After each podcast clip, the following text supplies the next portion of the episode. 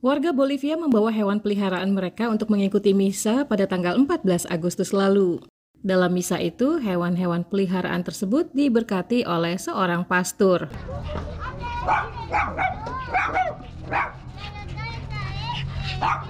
Anjing-anjing dan para pemilik mereka berkumpul di lapas ibu kota Bolivia pada hari Minggu, 14 Agustus lalu untuk merayakan Hari Santo Roh, Santo Pelindung Anjing. Santo Roh adalah orang kudus asal Prancis yang secara khusus dipanggil untuk melawan wabah.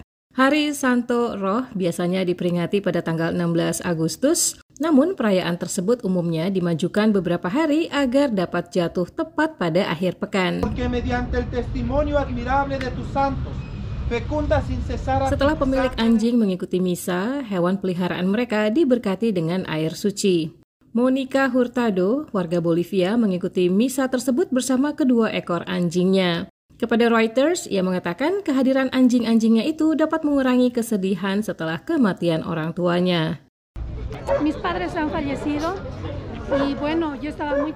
Kedua orang tua saya telah meninggal dunia. Saya merasa marah pada hidup ini.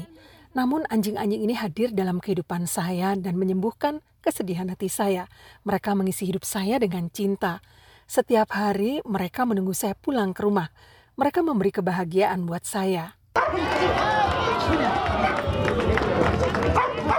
Para pemilik dan anjing mereka juga ikut berpawai untuk memprotes penyiksaan hewan. Dalam pawai itu, anjing-anjing mengenakan kostum, antara lain kostum polisi atau astronot yang dilengkapi dengan tas punggung antariksa. Lourdes Molina dan anjingnya ikut dalam pawai tersebut que cuiden, que no los, que, o sea, desde que son cachorros.